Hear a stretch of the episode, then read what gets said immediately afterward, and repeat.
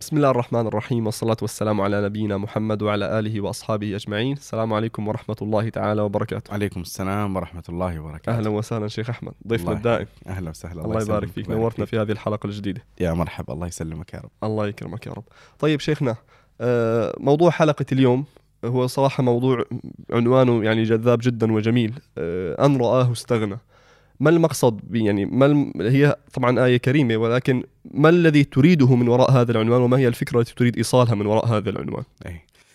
آه الحمد لله رب العالمين آه هذه الآية أولا هي آية من سورة العلق وهي آه في سياق عظيم جدا مرتبطة بما قبلها وبما بعدها وسأعلق عليها بعد قليل إن شاء الله لكن الفكرة من العنوان ومن المضمون هي أنه نريد أن نتتبع شيئا من مسيرة الإنسان حين استغنى عن الله سبحانه وتعالى ما الذي وصل إليه مهم. وإذا تكلمنا عن مسيرة وعن مسيرة استغناء فنحن يعني يعني من أصدق الحالات الواقعية التي يمكن أن ندرسها أو أن نشير إليها في رصد مسيرة التحول عند الإنسان من حالة ال ال خلينا نقول آه، مركزية الدين لديه إلى حالة الاستغناء التام هي الإنسان الغربي. جميل. الأوروبي تحديدا. ولذلك أنا اتصور إنه في الحلقة مفترض إن يعني نتناقش في هذه القضية. آه، لكن قبل ذلك بودي أن نتحدث عن ال- ال- الآية الكريمة وما يتعلق بسياقها. جميل جدا. يعني هي فكرة إذا رصد أو خلينا نقول ما الذي ممكن أن ما هي الدركات التي ممكن أن يهوي إليها الإنسان في حالة استغنائه عن الله عز وجل. بالضبط. إلى أين ممكن أن يصل إلى أي مدى ممكن يصل من انحطاط الإنسان إذا بالضبط. استغنى عن الله سبحانه وتعالى. بالضبط. طيب كيف سنبدأ في هذا الموضوع؟ من أين سنبدأ؟ والله ممكن نبدأ بالآية الكريمة. جميل. يعني الله سبحانه وتعالى يقول في سورة العلق اقرأ باسم ربك الذي خلق. خلق الإنسان من علق اقرأ وربك الأكرم. الذي علم بالقلم علم الإنسان ما لم يعلم. آه، بعيدا عن قضية سبب النزول وبداية الوحي لكن نتكلم عن الآيات، الآيات تتحدث عن آه، عن عن إكرام الله للإنسان الإنسان الضعيف الذي خلق من علق الذي خلق وهو لم لا يعلم شيئا. ثم آه، إك- ال- الإنعام الإلهي عليه بأن علمه ما لم يعلم وسخر له الأدوات مثل القلم ليصل إلى حالة العلم. جميل. وهذه المقدمة ال- العقل يريد أو ينتظر أن يكون حال الإنسان بعد هذا التحول من العدم إلى الشيء إلى الوجود ومن ال- الضعف إلى القوة ومن الجهل إلى العلم ينتظر أن يكون المقابل لهذا هو الشكر صحيح. والعبادة. لكن تجد أن الآية التالية كلا إن الإنسان ليطغى أن رآه استغنى. والآية يعني ذكرت حالة من حالات الإنسان في استغنائه وهي حالة عجيبة وحالة تستحق أن الإنسان يتأمل أنه لماذا اختير هذا الوصف فقط؟ مع أن الإنسان إذا استغنى تكون عنده حالات آه، كثيرة من الضياع لكن هنا ذكر الطغيان. كلا إن الإنسان ليطغى أن رآه استغنى. وأنت تجد مصداق ذلك بشكل واضح في, في على مر التاريخ. كلما استغنى الإنسان عن الرحمن ازداد طغيانا.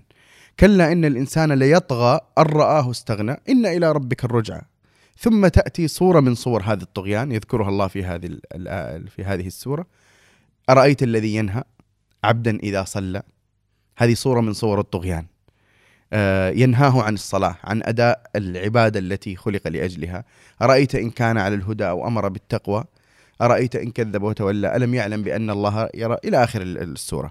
فيعني من هذا من هذه الآيات آه، يعني وقفت حقيقة كثيرا على عنونة مسيرة الإنسان أنه أن رآه استغنى استغنى فطغى واستغنى فضاع واستغنى ففقد القيم واستغنى ففقد الأخلاق واستغنى ففقد المعايير واستغنى ففقد وفقد وفقد إلى آخره. جميل جدا. طيب يعني مظاهر الطغيان هذه تت يعني لو لو قمنا ب... ب... لربما خلينا نسميه يعني رصد تاريخي منذ بداية الإنسان. يعني بشكل بسيط جدا. إيه، مظاهر الطغيان في ماذا قد تتجلى؟ يعني هل هي الطغيان المادي؟ هل هي الطغيان في الشهوات؟ هل هي الطغيان في القتل والدماء؟ في أي في أي باب؟ كل صور الطغيان آه وفي التاريخ الحديث من أظهر صور الطغيان هو الطغيان ال- المتعلق بالاعتداء بالاعتداء على الآخرين الطغيان المتعدي الطغيان المتجاوز للإنسان. بالإضافة إلى الطغيان المتعلق بالإنسان نفسه لكن الطغيان الطغيان بالقتل الطغيان بالإبادات بالحروب الظالمة القاهرة هذه من أبرز سمات عصرنا الحديث.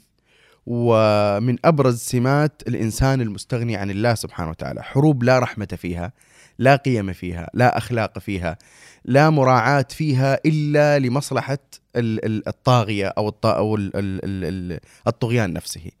فهذا هذا يعني من أظهر صور الطغيان اللي هو الطغيان المتعدي والمتجاوز. لكن يعني الذي يستحق الرصد هو مسيرة الاستغناء. مسيرة الاستغناء التي أوصلت إلى هذا الطغيان.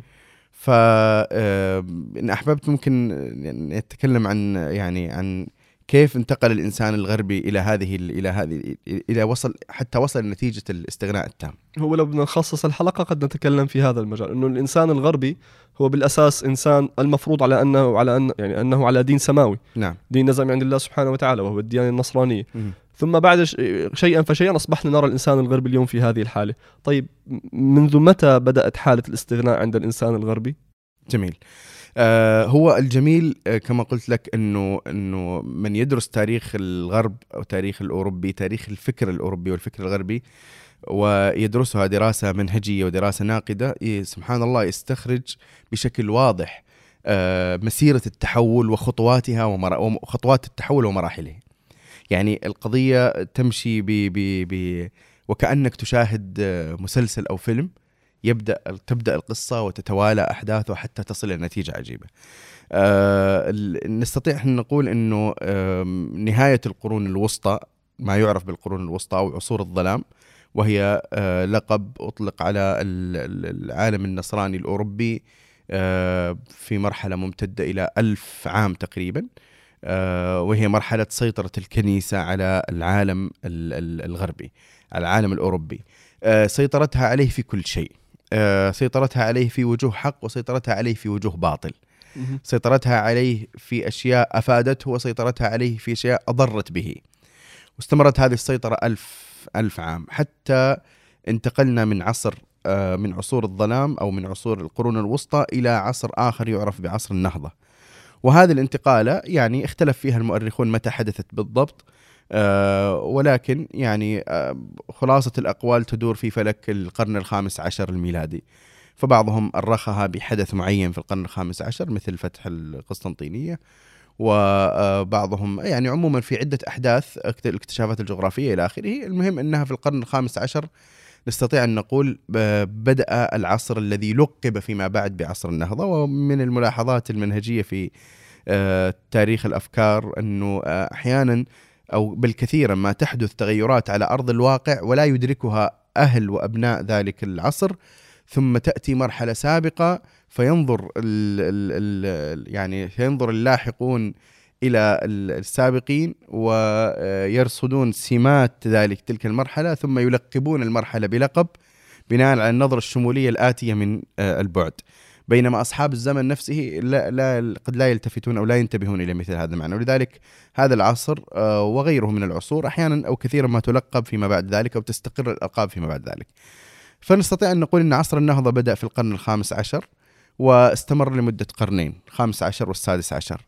آه هذان القرنان نستطيع أن نقول ان إنها سجلت بداية المسيرة نحو الاستغناء. آه طبعا نحن حين نقول استغناء ليس بالضرورة أن ما كان موجودا سابقا هو الأمر الصحيح يعني ليس هذا هو القصد ولكن نصف الحالة التي أصدق ما يقال فيها ان حالة الاستغناء هكذا تصفها حين تنظر إلى ملامحها وتفاصيلها.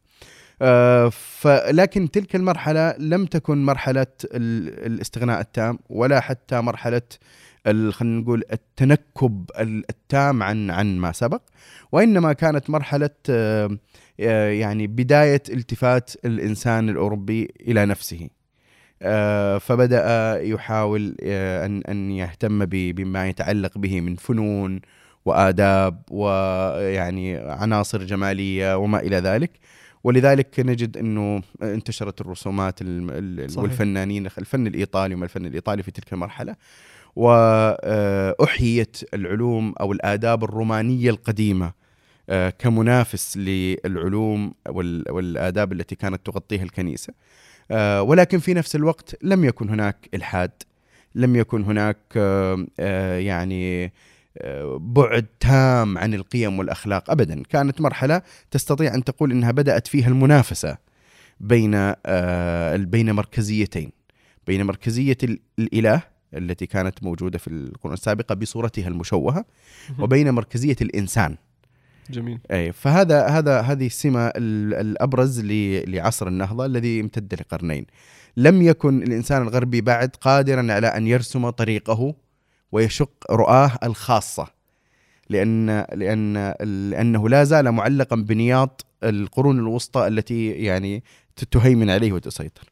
لما انتقلنا إلى القرن السابع عشر آه، لا نتيجة القرنين السابقين عصر النهضه ونتيجه المحاولات ونتيجة آه، حتى بعض النظريات العلمية التي يعني كوبرنيكوس مثلا كان في تلك المرحلة آه، نتيجة لذلك بدأ بدأت هناك نظريات ورؤى بديلة عن الكنيسة وعن الدين. جميل. آه، وأيضا لم تأتي في سياق الهدم والنقد وإنما أتت في سياق إنه الإنسان يعني ممكن الدين هنا ممتاز يشتغل ولكن أيضا الإنسان يحتاج إلى شيء آخر. ولذلك تجد أن كبار الفلاسفة في تلك المرحلة لم يكونوا ملحدين وإنما كانوا متدينين. صح. فعندك مثلا من أشهر الفلاسفة القرن السابع عشر ديكارت. وهو أبو الفلسفة الحديثة كما يقال وهو الذي يعني كان متبني المنهج العقلي ورسم للإنسان الغربي مسيرة كبيرة في ال- القضية العقلية وال- وال- وتعظيم العقل وتقديس الإنسان آه، نفسه وما إلى ذلك. ولكن في نفس الوقت ديكارت نفسه لم يكن ملحدا وإنما كان آه، متدينا كان متدينا. بل حتى في نهاية القرن السابع عشر على المستوى العلمي التجريبي ظهر إسحاق نيوتن كأبرز عالم من علماء الطبيعة من القرن الخامس عشر إلى القرن التاسع عشر. خلال أربعة قرون لم يظهر أحد في مجال علمي كان له من الأثر والهيمنة والسيطرة وال- والتأثير مثل إسحاق نيوتن. إسحاق نيوتن نفسه كان متدينا كان مؤمنا بوجود الله سبحانه وتعالى. ولم لم يعني ه- المسيرة كلما تأخرت في الزمن وكلما كثرت العوامل التي تشكل عقل الإنسان بعيدا عن أي جانب متعلق بالوحي أو بخالق الكون أو بخالق السماوات والأرض فإنك تجد أن أنك تتجه نحو مركزية المادة نحو مركزية اللامعنى نحو مركزية إلى آخره.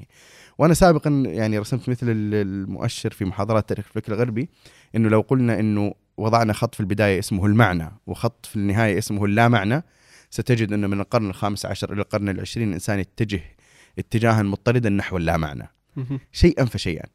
فالقرن السابع عشر آه، يعني آه، كما قلت بدأ الإنسان الغربي يشق رؤاه آه، يشق يشق ما يغنيه من الناحية الفلسفية من الناحية العقلية من ناحية العلوم المعرفية العامة. بعد ذلك انتقلنا في القرن الثامن عشر لعصر التنوير. عصر التنوير نحن نتحدث هنا عن مرحلة جديدة ومرحلة مختلفة. مرحلة آه، وصل الإنسان فيها إلى أنه لا والله هو الآن ليس محتاجا إلى الدين هو قبل لو فقط قبل الانتقال إلى إيه. عصر التنوير في في في عصر النهضة وعصر القرن السابع عشر إيه. هي هل كانت الفكرة الاستغناء عن الله ولا النفور وبعد من الكنيسة؟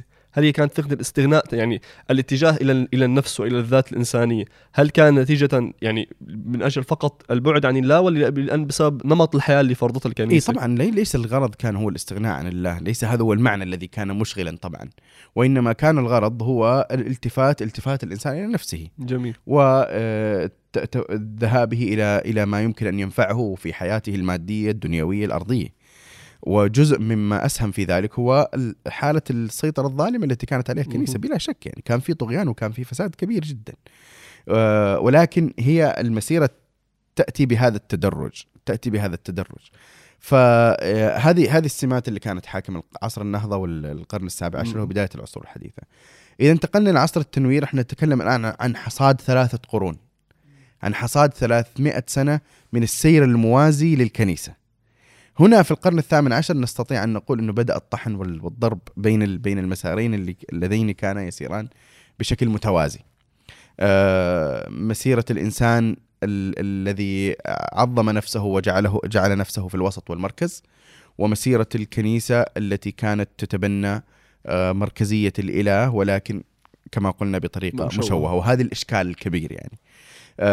فلو كان الدين المسيطر هنا- هناك آه، الإسلام بصورة صحيحة لما كان الإنسان لما حصل ال- الفصام النكد بين ال- العلم الطبيعي والدين وبين الفلسفة وبين الدين بين الانسان والإله. أساسا بالضبط هذه رؤية جدا مهمة وهي قضية منهجية جدا مهمة انه أساسا يعني آه، مركزية الله سبحانه وتعالى لا تنفي أن الإنسان ينظر إلى نفسه. هذه النظرة من ال... من أنه إنسان مكرم أساسا الله سبحانه وتعالى. قال ولقد كرمنا بني آدم في الأرض. وبالتالي هي الفكرة يعني. وحملناهم في البر والبحر. جميل. فأنا قبل شيء بس الفصام النكد بين الفلسفة والدين. أقصد ال ال يعني أقصد الفصام الذي حصل بالصورة ال- ال- ال- الموجودة في السياق الغربي. ولا الفلسفة ما بندخل فيها كموقفها من الدين وموقف الدين منها. على أي حال القرن الثامن عشر نستطيع أن نقول إنه بدأ الصراع، بدأت ال بدأت ال القضية تلتهب وصار المشروع الأساسي لقادة الفكر والرأي والثقافة في القرن الثامن عشر هو إسقاط ال- الكنيسة ورجالها.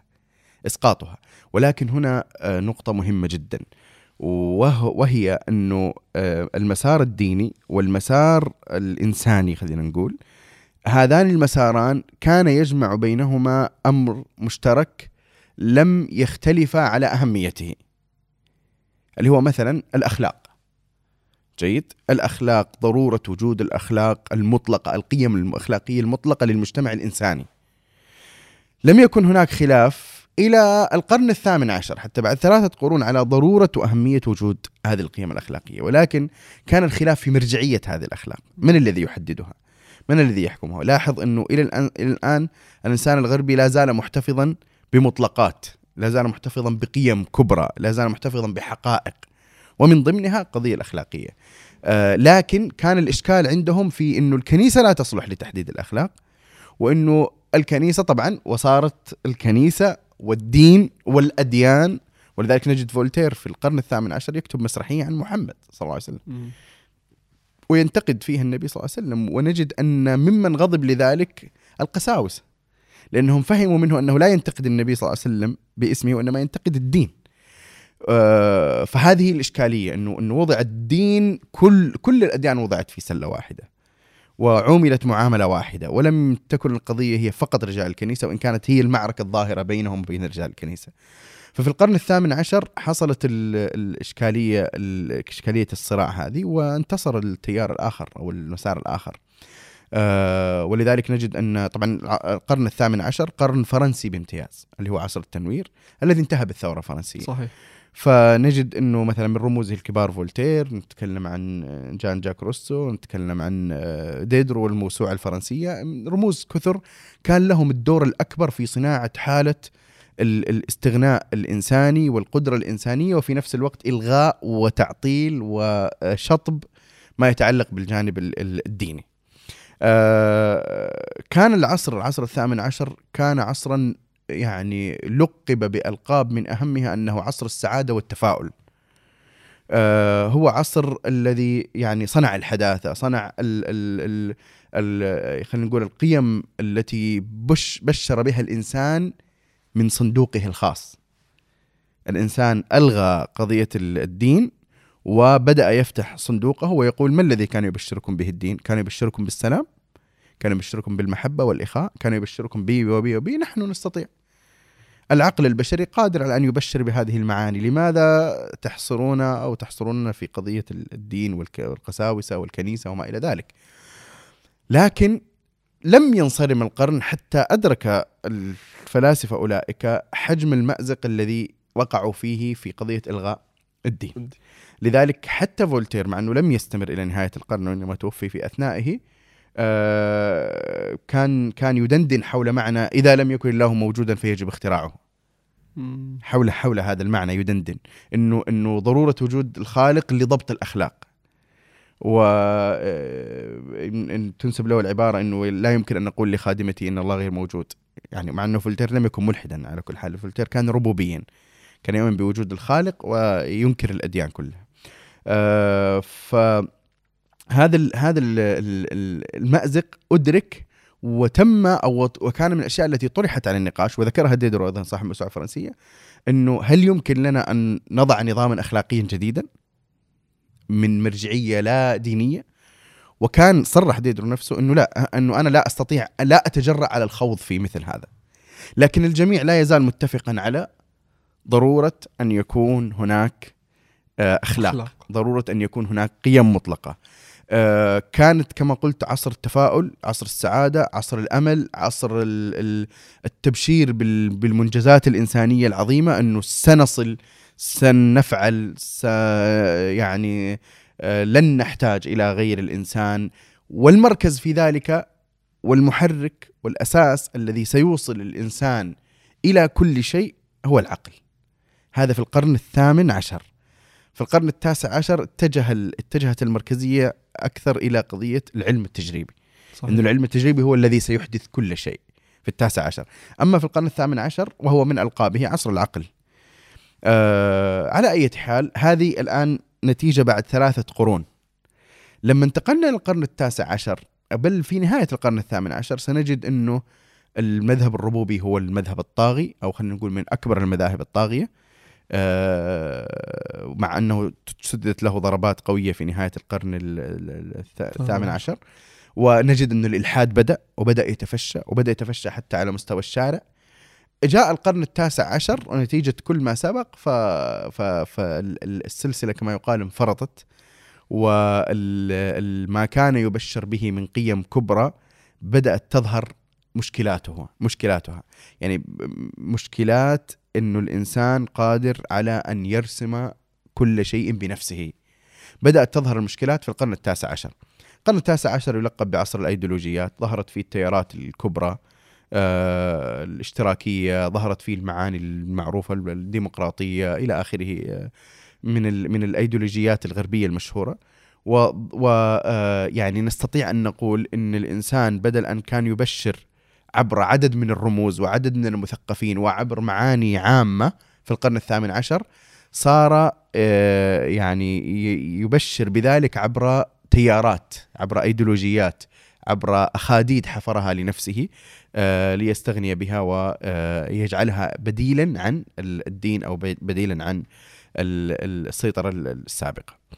آه، بعد ذلك آه، نستطيع أن نقول إنه إنه في نهاية القرن التاسع عشر أو من أواسط القرن التاسع عشر إلى نهايته آه، ظهرت الآثار يعني خلينا نقول أول آثار كبرى وحقيقية لمسألة الاستغناء. آه نستطيع أن نقول ان ان إن أول محطة كبرى في هذا الاست في في في النتائج السلبية الكبيرة للاستغناء ظهرت مع داروين في منتصف القرن التاسع عشر. وذلك حين آه ألغى شيئا كبيرا من كرامة الإنسان فجعله جزءا من الحيوانات. وهذا المعنى آه، البعض لا ينظر إليه إلا في نطاق ال- ال- العلم التجريبي. بينما هو في سياق تاريخ الأفكار وفي السياق الفلسفي هو هو هي قضية مرتبطة ارتباطا مصيري بمصير الإنسان بحياة الإنسان بفهم الإنسان بكيف ينظر إلى الإنسان.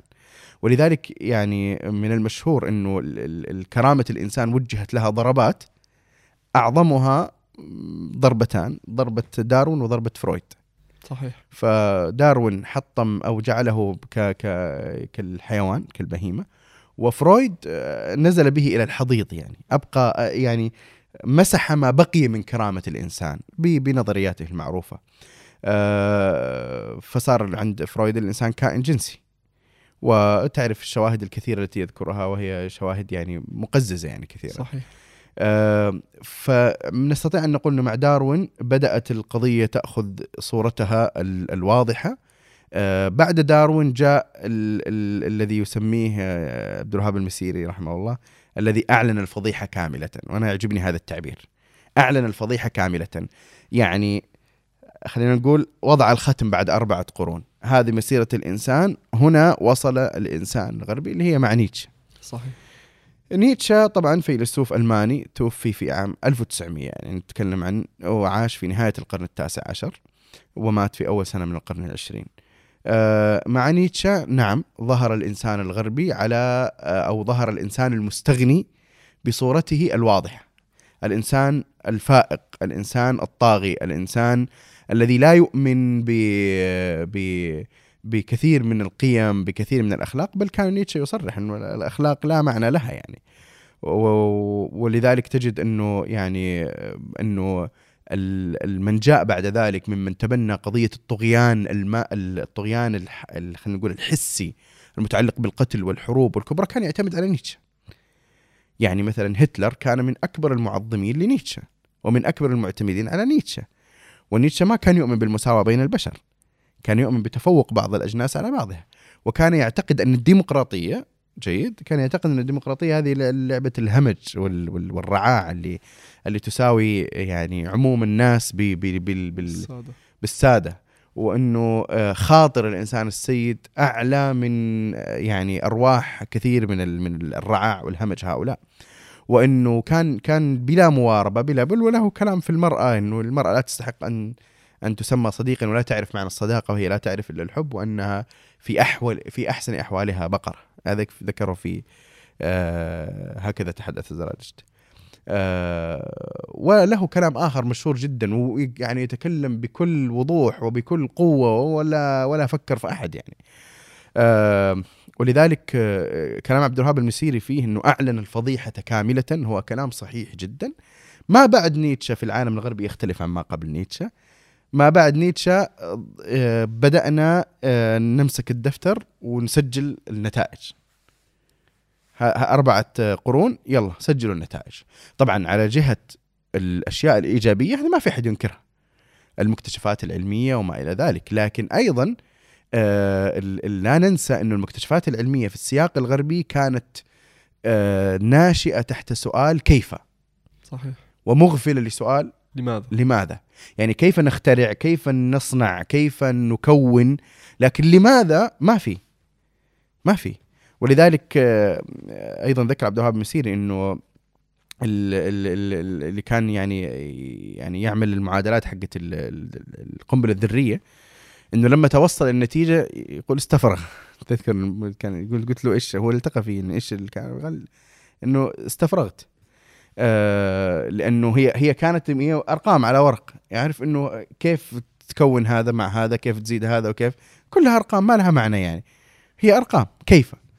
لكن لما وصل انه إنه ما الذي سينتج فالوضع مخيف يعني. وردة فعله كانت آه، كيوت بين قوسين يعني. كان المفروض ينجلط ويموت يعني مو لا العجيب انه انه إنه حالة الإنسان لما وصل لهذه المرحلة يعني تتكلم عن ترومان الرئيس الأمريكي لما ألقى القنبلة الذرية فعلا على اليابان. الخطاب موجود في اليوتيوب إلى الآن. ممكن الواحد يدخل يشوف الخطاب. ما عنده أي مشكلة. صحيح. جالس يتكلم ب- بروح المنتصر القائد الذي حطم القوة الأخرى وأنه رد رددنا الصاع صاعين أو رددنا عليهم بأضعاف مضاعفة وأنه لم ينتهي كل شيء بعد. وهذا الخطاب. طب وال 140 ألف اللي راحوا هذول؟ ال 140 ألف اللي راحوا بعدين متى ألقيت القنبلة الذرية؟ الساعة 8 وربع صباحا وقت خروج الناس إلى الأعمال والمدارس والطلاب إلى المدارس. يعني تعم تعمدوا إلقائها في هذا الوقت تحديدا مع أنه ذكر غير واحد من الباحثين انه إنه لم تكن هناك حاجة عسكرية أصلا لإلقائها. وزي ما يقول الشيخ عبد الله العجيري في مقدمة ترجمته لكتاب هيروشي- هيروشيما يقول انها أشبه ما يكون بالطفل ال- ال- ال- الشغوف أو المدلل اللي عنده لعبة خطرة ويريد أن يجربها وليس له إلا فرصة واحدة يجربها فإما أن يجربها أو ما يستطيع. فجاء فجربها. ولذلك ألقوها وبعد ثلاثة أيام ألقوا قنبلة أخرى أيضا آه ذرية والأرواح البشر هؤلاء لا ليس هناك مشكلة. وأيضا ذكر في ال في ال في ال في, ال في ال خلينا نقول في التاريخ السياسي وما يتعلق بها انه إنه كانت الشهية الأمريكية لإلقاء مزيد من القابل مفتوحة. إي وإنها يعني توقفت بسبب الاستسلام الم- المهين الذي أعلنه الإمبراطور الياباني. فعلى أي حال إنه بعد بعد ال ال نتيجة تلك هذا بعد نيتشه بدأت تسجل حالات ال- حالات ال- النتائج السلبية لهذا الاستغناء. فعندك نيتشه بعدين تجيك الحرب العالمية الأولى. الحرب العالمية الأولى هي نتيجة الضخ الهائل الكبير الذي كان في القرن التاسع عشر للقوميات. والضخ هذا الهائل هو أيضا نتيجة خفوت المعنى الآخر الذي كان يسيطر على الإنسان. آه، وقعت الحرب العالمية الأولى. لم يكسر كل شيء في نفس الإنسان الغربي. من من ال من حالة ال- خلينا نقول الاستيقاظ وال آه، من من الحالة السابقة يعني وإنه لم يستيقظ بعد الحرب العالمية الأولى. لا زال هناك فجاءت الحرب العالمية الثانية دمرت كل شيء وما كان يبشر به على مستوى الأمم والقوميات وما إلى ذلك آه، يعني كما يقول سترونبرغ يعني يقول يعني استيقظ المجتمع الأوروبي بعد الحرب العالمية الثانية ليكتشف أنه فعلا لم يكن في السنوات السابقة لم يكن في كابوس وإنما كان في حقيقة. يعني أشبه شيء لا يصدق كابوس يعني 50 مليون قتيل.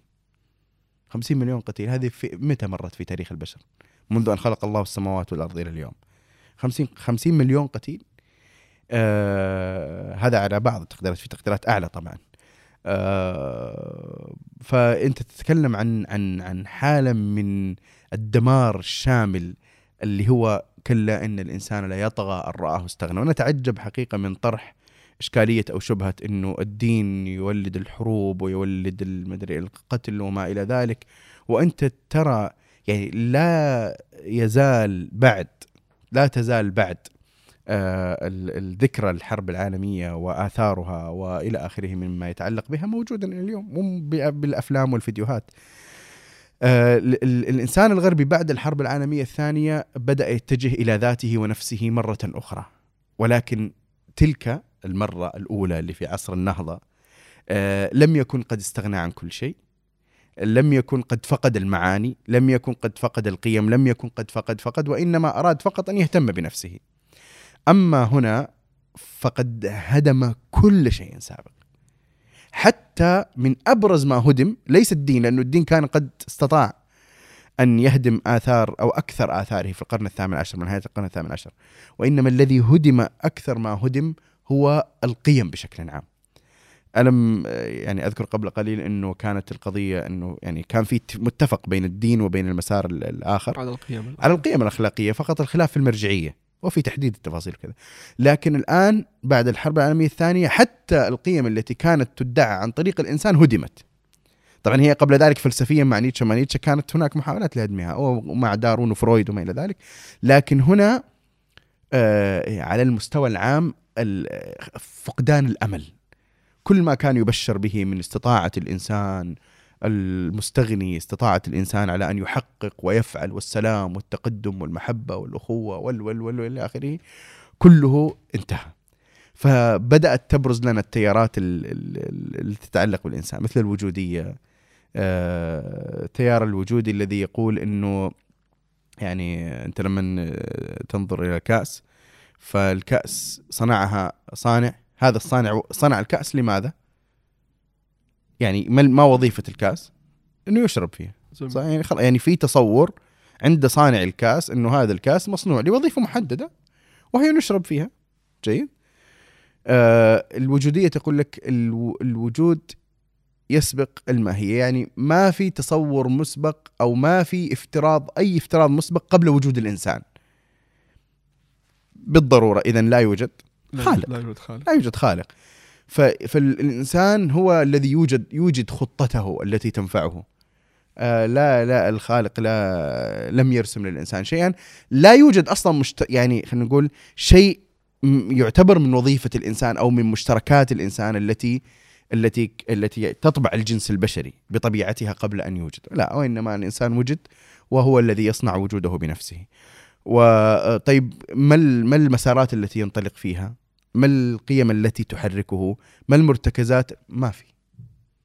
ما في. هو ينطلق من نفسه بنفسه. ولذلك آه، جان بول سارتر نفسه من أبرز أعلام الوجودية يقول نقل عبارة دوستويفسكي التي يقول فيها إذا كان الله غير موجود فكل شيء مباح. قال من هنا تنطلق الوجودية. وله كلام آه، يعني رجعت إليه في في كتابه نفسه اللي هو الوجودية مذهب إنساني. وهو حقيقة غريب في شرح آه، الوجودية. يعني لغته واضحة جدا واستطاع أن يوصلها بشكل واضح. ولكن يتكلم بصورة واضحة أيضا في أوائل الكتاب عن آه، عن أنه لا صعب أنك توجد قيم مطلقة في ظل إلغاء وجود الخالق سبحانه وتعالى. ثم تتابعت القضية وظهر عندنا يعني خلينا نقول سقوط القيم والمعاني والمؤثرات الكبرى مثل أحجار الدومينو تماما. يعني مثلا الأسرة. إيش معنى الأسرة؟ أب وأم وأطفال؟ لا يعني الآن صارت الأسرة ممكن أب وأب. تمام؟ أو أم وأم. وفي بأطفال وفي بدون أطفال. وفي يعني في إيش إيش طبيعة إيش الحب إيش تعريفه؟ ال- ال- احتياجات البشرية ما هي؟ الأخلاق ما هي؟ الجمال ومعايير الجمال. إلى آخره. كل هذا بدأ يسقط سقوطا حقيقيا. آه ولذلك أنت تجد الآن إنه حتى على مستوى الفني آه تظهر عندك اللامعنى يظهر عندك اللامعنى اللوح الفنية اللي يعني في في فن ما بعد الحداثة اللي أشياء مركبة ما أدري كيف شكلها ولطخات من البوية والألوان والمدري إيش وها فن آه على مستوى الشعر والأشكال تشوف إنسان شيطان شيطان الوشوم من وجهه إلى رجوله كله وشوم قبيحة أنواع الأشياء اللي يحطها في في أذنه وفمه وأنفه والشعر بطريقته محلوق من هنا وهذا واقف وال والسروال المشقق والدنيا كلها وابدا هو يعني ما يشعر بأي بأي شيء من التناقض. آه ذكر بيصير أنثى أنثى بيصير ذكر آه واحد حامل وعنده شغلات يعني لا يصدقها الإنسان إنه البشرية يمكن أن تصل إلى هذا المعنى. يعني يعني إذا كان إنه الإنسان هو كائن متطور على الحيوان ففي الصورة التي الموجودة اليوم على على هذا المستوى من ناحية من ناحية ال الناحية الأخلاقية فادنى من الحيوان الانسان أدنى من الحيوان. ولذلك الله سبحانه وتعالى قال أولئك كالأنعام. بل هم أضل. بل هم أضل. طب هنا المفارقة. يعني هذا الإنسان عندما قلنا أنه بدأ يحصد النتائج في نهاية القرن في نهاية الق- في القرن العشرين يعني الحرب العالمية الأولى الحرب العالمية الثانية وكل هذه الكوارث التي حدثت. هل كان مدرك للفاجعة التي وصل لها؟ يعني هل أدرك الإنسان الغربي فعلا أنه هذه النتائج التي حصلت هي نتائج طبيعية في ظل هذا التطور الذي حصل معه طوال مسيرته؟ أم أنها هو كان يعتبر أن هذه فضيحة تصرفات فردية يجب إخفائها؟ كيف كان ينظر لها الإنسان الغربي؟ آه بلا شك إنه كان في إدراك كبير جدا لل- للحجم الفاجعة. وعلى مر تاريخ ال- الغرب وال- والأوروبيين هم يعني يتفاعلون مع الأحداث سواء الأحداث الطبيعية التي يعني من تقدير الله سبحانه وتعالى أو مع الأحداث ال- التي هي من صنع البشر آه وإن كانت من جملة تقدير الله سبحانه وتعالى. يعني مثلا آه، قبل ذلك زلزال لشبونة آه نسيت في أظن في القرن الثامن عشر تقريبا آه كان من من الأسباب التي دعت إلى الإلحاد. كان زلزال شديد جدا آه قتل فيه آه آلاف من الناس وكان وولد بشكل كبير سؤال الحكمة من وجود الشر. آه و ال ال ال يعني عندك مثلا الحرب العالمية عندك قبل ذلك حتى في المكتشفات العلمية يعني مثلا المجتمع العلمي الغربي المجتمع الغربي بشكل عام ليس فقط العلمي يعني تجاوز القضية العلمية. آه كان متاثرا برؤية نيوتن للكون. فكان يتطلب في كل مجال من المجالات إيجاد رؤية واضحة ميكانيكية آلية تحكم الأشياء لأنه هذه رؤية نيوتن في المجال الفيزيائي الكوني. آه لما جاء أينشتاين وجات قضية ال- ال- النسبية. النسبية آه أثر هذا على بقية العلوم وأثر هذا على تصور الإنسان. آه فنعم الإنسان الغربي أدرك أدرك جزءا من الفاجعة أدرك أدرك آه، حالة من ال من ال من ال- الحصاد المر لما لما مضى. ولكن هنا هنا هنا الإشكال إنه هذا الإدراك ما الذي أدى به؟ إلى أين وصل إليه؟ آه، أو إلى أين أوصله؟ الإشكال إنه هو كان قد هدم كل شيء. يعني ال- الإشكال انه إنه كان في هدم للدين للقيم هدم ل ل ل هدم لبقية الأديان. فلما جاءت مثل هذه الفاجعة هو يأس في كل شيء. كان قد ألغى الدين سابقا ثم يأس حتى في القيم أو المبشرات الأخرى المتعلقة بالإنسان نفسه. ولذلك وصل إلى حالة أكثر انحطاطا صحيح. وهي ال- اللا معنى، اللا قيمة، اللا اللا إلى آخره، على أنه هذا ليس عاما، البعض رجع إلى الدين، صحيح. يعني كان من من النتائج هذه فقدان الأمل في المبشرات تلك وبالتالي أحيانا الاقتراب من الدين لأنه مهما كان في كل القرون السابقة لم يخفت يعني لم ينتهي دور الكنيسة أو دور الدين بشكل عام. أنت تجد إنه إنه انتشار الإسلام مثلا في ال 40 سنة الأخيرة في المجتمع الغربي هو أضعاف أضعاف انتشار الإسلام في ال- الأربع قرون التي قبله على على مستوى الدول الأوروبية المركزية يعني وهذا جزء من القضية إنه الإنسان إنه ما صار في ما صار في شيء يشتغل في الفضاء ما صار شيء يشتغل في الفضاء الإنساني. فلما يأتي الدين هنا الدين الصحيح ل آه، يعني خلينا نقول ليلامس روح الإنسان الفارغ الإنسان ال- ال- الضائع الإنسان الفاقد لكل شيء آه، فإن يعني الهداية تكون أسهل الاقتناع يكون أسهل. ولذلك أنت تجد اليوم كثير من الناس حتى من الغربيات من النساء آه، عندهم كل أنواع الحرية على المستوى الفردي والمستوى الشخصي وفي كل أنواع التشويه للمرأة المسلمة ومع ذلك تجد تداعي كبير في الدخول الإسلام في, الوسط الغربي. جميل. هنا أيضا سؤال آخر. الإنسان كما قلت منذ قليل بعد الحرب العالمية الثانية وصل إلى حالة العدمية اللامعنى سقوط أي قيمة لأي شيء للإنسان نفسه حتى. هذا الإنسان الغربي كيف هو الذي اليوم يبشر العالم بمرة أخرى بحقوق الإنسان والليبرالية وال... وحريات الإنسان وكرامة الإنسان وتصدر لنا هذه المعاني نحن اليوم في في دولنا وفي محيطنا نعم. على أننا نحن أساسا المتخلفون نحن الواقعون في هذه ال- في هذه الحروب وهذا ال- يعني عدم وجود أي مخرج وأنهم يريدون أن لنا الحل، طيب كيف الانسان كيف هو ينظر لنفسه بهذه الطريقة؟ هو ليس غريبا أنه يبشر بمثل هذه المعاني. هو الغريب أنه يجد من يصدقه على هذا التبشير. وإلا لا يوجد طاغية على مر التاريخ إلا وهو يرى نفسه آه، أو على الأقل يريد أن يظهر نفسه بأنه ليس طاغية على الأقل الأحوال. هل يوجد طاغية أكبر من فرعون؟ لا. ماذا ماذا قال كما في سورة غافر؟ إني أخاف أن يبدل دينكم يتكلم عن موسى عليه السلام. إني أخاف أن يبدل دينكم أو أن يظهر في الأرض الفساد. يعني حزنان على انه يخاف يظهر في الأرض الفساد. وطب الفساد إيش جالس تسوي؟ أنت مو تذبح الأطفال. جيد. آه ما أهديكم إلا سبيل الرشاد. هذا كلام فرعون. ولذلك أنت أنت ما تستغرب الآن إنه يوجد من يبشر من هذا المعنى. لكن إذا إذا نظرت بنظرة لا تحتاج إلى كبير علم ولا إلى كبير فلسفة ستجد أن المبشر به هو القوة فقط. صحيح. وإنه اللي جالس يصير هو مبدأ القوي على الضعيف فقط. هو هذه هي كلها شعارات. وإلا ال- الذي يجري الآن من ال- من القتل والتشريد وال- والبلاوي والدمار يعني اليس اليسوا هم جزءا اساسيا في المشاركة فيه؟ صحيح. فهذا الكلام يعني آه، أنا ما أستغرب ابدا من هذا التبشير ولكن آه الذي يستغرب منه كما ذكرت. من يصدق هذا نعم. هذه طبعا هو هو هي يعني جزء من يعني القضية طبعا أعقد من ذلك يعني هي فقط أنا أتكلم عن إشارات عامة. وإلا يعني آه، الإنجازات مثلا التي حققت على المستوى على بعض المستويات المتعلقة بكرامة الإنسان ال- آه، خلينا نقول القانون على المستوى القانوني ال- ال- وهذا يعني أحيانا آه، لما تحدث المقارنة آه، يحدث هذا الشيء من الأثر والإشكال.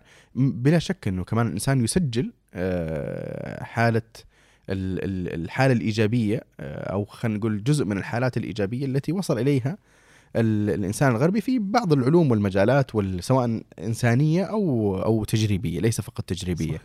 ولكن هو ال- الكلام إنه ما المعيار الذي لديك التي الذي تقيم عليه الإنسان؟ إذا كان معيارك مادي فأنا أبشرك الإنسان الغربي وصل. صحيح. جيد؟ ولذلك وهذه المشكلة الكبرى التي تحدث اليوم إنه إنه تضرب المعايير لدى الإنسان المسلم. مم. تضرب المعايير. تضرب المعايير حتى أنت ما تستطيع أنك أنت تقيم إنه هذه حالة سيئة. جيد؟ فأنت لما تجي تقول مثلا الشذوذ بدأ ينتشر وفقدان معنى الأسرة ممكن يجيك واحد يعيش في الوسط المسلم يقول لك طيب طيب يعني شو المشكلة؟ مو هذه حرية يعني مو الأفضل هو الحرية فاهم فهي هذه المشكلة اللي فقدان المعايير لذلك آه يعني ذكرت أيضا سابقا إنه من أعظم المشاريع التي يمكن أن يحدثها الإنسان المسلم اليوم هي هو ال- المشاريع أو هي المشاريع التي تحافظ على صفاء المعايير لدى الإنسان المسلم. وإن كنت متاخرا وإن كنت منهزما وإن كنت وإن كنت إلا أن لديك الهوية ولديك المعايير التي تحافظ على عنصر عنصر بقائك آه، صالحا. آه، إذا فقدت هذه المعايير فلم يعد هناك فرق لا بين الإنسان والبهيمة ولا بين الإنسان والأدنى الأشياء. و أصلا أصلا الإنسان لا- يعني نفسه الإنسان لا لا لا ليس آه، قادر على أن يرى نفسه آه، رؤية حقيقية، انت تعرف ستيفن هوكينج مثلا يقول الإنسان هو عبارة عن وسخ كيميائي أو لطخة كيميائية في آه، كوكب قذر في في في مجرة كبيرة. هو هذا هذا الإنسان. يعني أنت ما تقدر هذا هذا وصف الإنسان الذي يمكن أن تصل إليه. فلما تصل لهذا الوصف بناء على إيش تكلمنا عن معايير وعن أخلاق وعن قيم وعن قيم أنا أعيش لاسعد سعادة ذاتية. كلمني عن آه، مثلا آه، عن إقناع الآخر الملحد أو الذي لا يؤمن بال- بالله سبحانه وتعالى وبالقيم الأخلاقية. كلمني عن إقناعه بخطأ أو بسوء السرقة مثلا. ما ما ما تستطيع. يستطيع. بالضبط. لذلك آه، كما قلت التبشير بمثل هذه ال- القيم ليس غريبا. الغريب هو ي- يكون هناك تصديق أن يكون هناك قبول. من أكبر أسباب التصديق والقبول فقدان المعايير. آه، وضعف ال- الموازنات بين ال- ال- الدنيا والآخرة ضعف الموازنات بين القيم وبين المادة ضعف إلى آخره. ومن أكبر الكتب أو من أهم الكتب التي تعيد ضبط المعايير كما يقال في في في هذا المعنى تحديدا كتاب مآلات الخطاب المدني. آه، كتاب مآلات الخطاب المدني حقيقة هو من الكتب ال- اللي آه، ترجع بالإنسان إلى إلى تجعله يلتقط نفس كذا ويرجع يحاسب يعني أو يراجع معاييره على على على المحك القرآني بالضبط. طيب جميل. أه قد أعود الآن إلى بداية أمر ذكرته في بداية الحلقة في سؤال لعلنا نختم به. هي فكرة أنه ذكرت أن الإنسان آه، يعني الإنسان الغربي لم يلقب عصر النهضة بعصر النهضة إلا بعد قرنين من الزمن. أي. طيب فلنسقط هذا على واقعنا اليوم. نحن اليوم في في في محيطنا في مجتمعاتنا الإسلامية بشكل عام نعيش حالات من التغير حالات من يعني الهزات العنيفة. آه، كيف يجب علينا نحن أن نكون واعيين بهذه اللحظة التي نعيش بها لكي يعني نمسك بزمامها بحيث لا تفلت منا وتسير فينا في اتجاه كما سار فيه الاتجاه الغربي؟ نعم. وهو المشكلة أنه أنه أكثر الناس لا يبصر إلا الجزئيات. هذه المشكلة. مهم. الجزئيات يعني الكثير من الناس من المسلمين يستغرقون في التفاصيل الجزئية المحيطة بهم. أحيانا هو لا يبصر أكثر من دائرة المقعد الجامعي الذي يقعد عليه ودائرة أسرته وأهله. أحيانا لا يبصر أكثر من دائرة آه، أصدقائه القريبين. أحيانا تتوسع القضية فيبصر دائرة متعلقة ب عشيرته ال- الصغيرة التي تحيط به. أحيانا تتوسع قليلا فيعني يرى القرية أو المدينة التي يعيش فيها. أحيانا تت... المهم أنه أنه يبقى الإنسان في تجزئة النظر غير قادر على آه، إدراك السياق العام. من أهم الأشياء التي تعين على إدراك السياق العام آه، هو آه، محاولة النظر من أعلى. النظر من أعلى آه، أقصد أنه الصورة من أعلى. أنه أنه ينظر إلى مجموع التفاصيل التي تجري. آه، وإخراج النفس من حالة التأثير والضغط الواقعي الموجود اليوم. أنت مثلا من بلد معين آه، في ظروف متعلقة ببلدك تضغط عليك في تصوراتك. صحيح. أنا من بلد آخر في ظروف معينة تضغط علي في تصوراتي. الثالث من بلد ثالث وهكذا. هذه هذه ما لم أخرج نفسي من قضية الض- الضغوط التي تؤثر علي في تشكيل واقعي أو في تقييم الأشياء. إلى أن أنظر لمجموع ما يجري وأنطلق من مرجعية واضحة تماما. عندي مرجعية كافية. المرجعية الأساسية التي أنطلق منها هي القرآن الكريم بمفاهيمه ب يعني كل كل ما فيه من معاني. سيرة النبي صلى الله عليه وسلم سنة النبي صلى الله عليه وسلم. هذه معايير كافية في أن أن أن تبني لدي خلينا نقول ال ال ال ال القيم الكبرى أو المرجعيات الكبرى التي أقيم بها الأشياء. ثم بعد ذلك تأتي الأدوات. أدوات متعلقة بعلم الاجتماع ب- متعلقة بال- بالفكر أدوات متعلقة بأدوات المعرفية. لكن القيم الحاكمة يجب أن تكون لدي واضحة. فلما تكون لدي المرجعية واضحة والأدوات جيدة وفي نفس الوقت لا أستغرق في التفاصيل والجزئيات ولا في القيم الضاغطة المتعلقة بي أنا بمحيطي الذي نشأت فيه. هنا أستطيع أن أتصور القضية بشكل أفضل. ومتى يزداد هذا الأمر؟ جودة ووضوحا لما أحاول أن أخمن أو أتوقع مآلات هذا الواقع. إحنا عندنا جزئيات وكليات ومآلات. جزئيات اللي هي أفراد الأحداث التي تقع. والله في حرب في المنطقة الفلانية. والله في إلحاد بدأ ينتشر هنا. والله في أنا أتجاوز الجزئيات المتعلقة بالشخص نفسه هذه برا الآن الحساب. أنا أتكلم الجزئيات المتعلقة بالأمة الإسلامية وال... والسياق العام. والنا يعني فأنت عندك هنا مثلا مشكلة حصلت هنا مدري إيش. هذه اسمها جزئيات. لما تحا هذه هذا الأول جزئيات. ثم لما تنتقل منها إلى الكليات هذه المشكلات اللي هي 20 مشكلة متعلقة بجانب الفكر تقول إن لدينا حالة جديدة نستطيع أن نقول إنها حالة المد الإلحادي مثلا. جيد؟ التي تتشكل هنا وهنا وهنا إلى آخره. عندنا حالة جديدة وهي مشكلات الجيل الصاعد المعرفية والأخلاقية والسلوكيه هذه اسمها كليات. لما تأخذ الكليات ثم تنتقل من الكليات إلى المآلات يعني من خلال هذه المعطيات ما الذي يتوقع أن تؤول إليه هذه المشكلة؟ إذا سرت بهذه الطريقة فأنا أقول إنه ممكن أن تدرك زمنك وواقعك وتستطيع أن تفهم حتى يمكن يمكنك أن تلقبه يعني. آه، أما آه، كما تفضلت إنه لا في تلك المسيرة الغربية أكثر الناس لم يكونوا مدركين لما الذي يجري بالضبط. يعني تحدث التغيرات على المستوى ال- على المستوى الفردي والمستوى الواقعي ولكن لا لا يعني إيش؟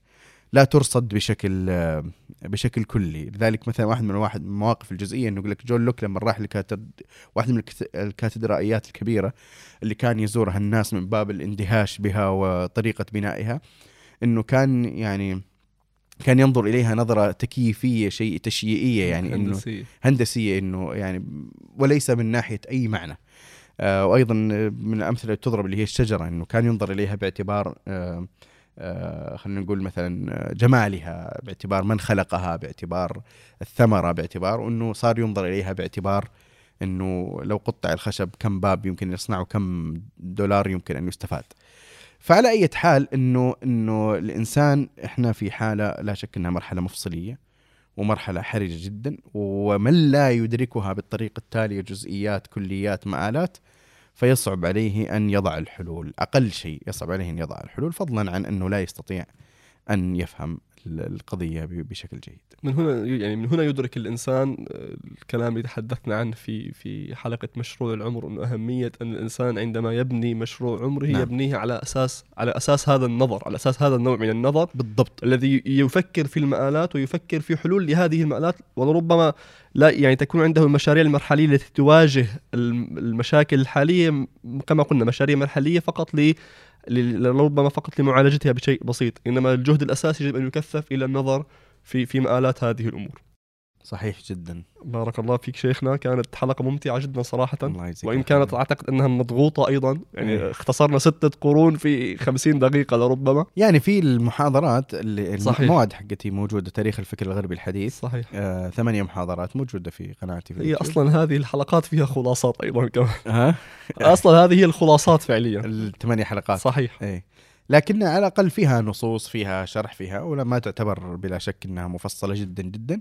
ولكن آه، أنا أزعم إنه آه، يعني متابعتها كاملة تصنع حالة من من الفهم آه، المتوسط جيد. الجيد. وأنا عجبني إنه في ناس فعلا تابعوها كاملة يعني. يعني نلاحظ تعليق على آخر مقطع الجزء الثامن إنه الحمد لله تم مشاهدة السلسله كاملة تم مشاهدة. السلسله كاملة. هي مجموعة 12 ساعة. آه فالحمد لله رب العالمين. ال- المادة أنا أعتقد أنها مهمة. آه لمن يريد أن يتصور الحالة الإنسانية بهذا في هذا السياق الغربي. هو أيضا هذا الكلام قد يق- يقودنا إن شاء الله فيما بعد إلى أهمية بناء الأفكار وأهمية القوة صحيح. الفكرية في بناء الإنسان. لعلنا إن شاء الله يعني نفرد لها في شيئا بإذن الله. القادمة أو التي بعدها بإذن الله بإذن الله تعالى. الله. أكرمك الله شيخنا بارك الله فيك وجزاك الله كل خير. الله يسلمك ويبارك فيك. السلام عليكم ورحمة الله وبركاته. وعليكم السلام ورحمة الله تعالى وبركاته.